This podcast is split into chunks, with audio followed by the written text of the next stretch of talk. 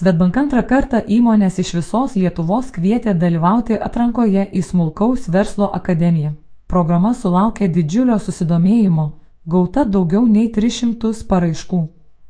Iš jų dešimties laimingųjų turės galimybę auginti savo veiklą su verslo lyderių pagalba ir tobulinti jau turimas žinias. Nuspręsti, kas dalyvaus projekte, gali ne tik komisija.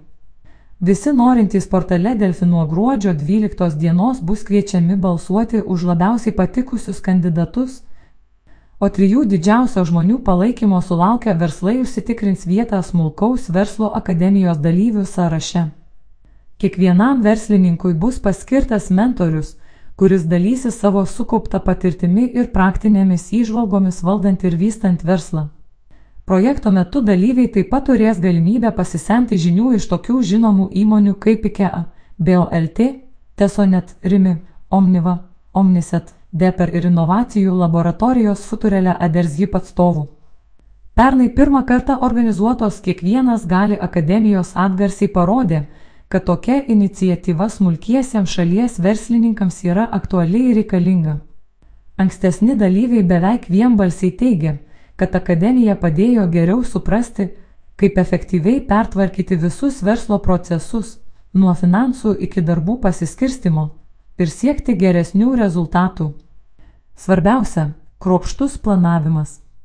Pirmosios kiekvienas gali akademijos absolventas ir įmonės puoškis lietuviškai savininkas Karolis Valiukevičius prisipažįsta, kad dalyvavimas projekte padėjo suprasti finansų planavimo reikšmę. Susidėliojus kas mėnesinės išlaidas metams į priekį pagerėjo pinigų srautų planavimas. Tai leido daryti pirkimus į priekį ir gerokai paspartino produktų išsiuntimą klientams. Panašu, kad detalus planas ir didelių tikslų įskaidimas į smulkesnius padės 2022 metų apyvartą padidinti 40-50 procentų nepadidinus pagrindinių išlaidų. Džiaugiasi verslininkas, dėmesys komandai grįžta su kaupu. Kosmetikos laboratorijos direktorė Rūta Gvazdaitienė pastebi, kad po akademijos ėmė kitaip žiūrėti į verslo organizavimo procesus. Pradėjus daugiau dirbti su darbuotojais įmonės viduje, jų našumas ir rezultatai išaugo, pardavimai pakilo 17 procentų. Jei pritartų ir kita akademijos dalyvė Marta Paliukienė, grožio studijos šeimai COZ ICUTS BUT direktorė. Pasak verslininkės, Komandoje sustiprinus lyderystę jau beveik metus kolektyvas išlieka stabilus ir šimtas procentų darbuotojų teigia, kad yra patenkinti atmosfera darbe. Struktūruoti rinkodaros veiksmai ir patobulinta socialinių tinklų komunikacijos strategija leido geriau pažinti savo klientą ir jo poreikius, o sustiprinta lyderystė komandoje užtikrina stabilumą. Todėl kryptingai galime siekti užsibrieštų tikslų. Visi šie veiksmai lėmė tai, kad vidutinę metinę apyvartą padidinome ne 35 procentai, pasakoja grožio studijos šeimai COZ ICUTS BAUT direktorė.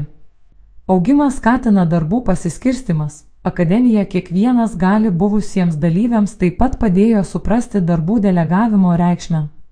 Juvelyrikos namų vėduo įkūrėja Viktorija Orkinė teigia, kad svarbiausia pamoka, kurią išmoko projekte, einamuosius darbus deleguoti komandai ir imtis tų užduočių, kurios prisidėtų prie strateginio įmonės augimo. Jau matomi pirmieji įgyvendinti planai - atnaujinta elektroninė svetainė ir atidaryta nauja juvelyrikos galerija Popija.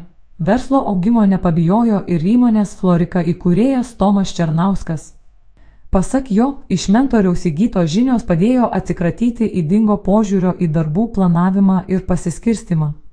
Akademijos metu išmokome optimizuoti vidinius veikos procesus, susikoncentravau į įmonės valdymą, o ne pašalinius darbus, todėl atsirado papildomų resursų įmonės augimui. Išplėtėme komandą. Patirtimi dalyjasi verslininkas. Šių metų smulkaus verslo akademijos kiekvienas gali dalyvius kviečiame rinkti portale Delfi nuo gruodžio 12 dienos.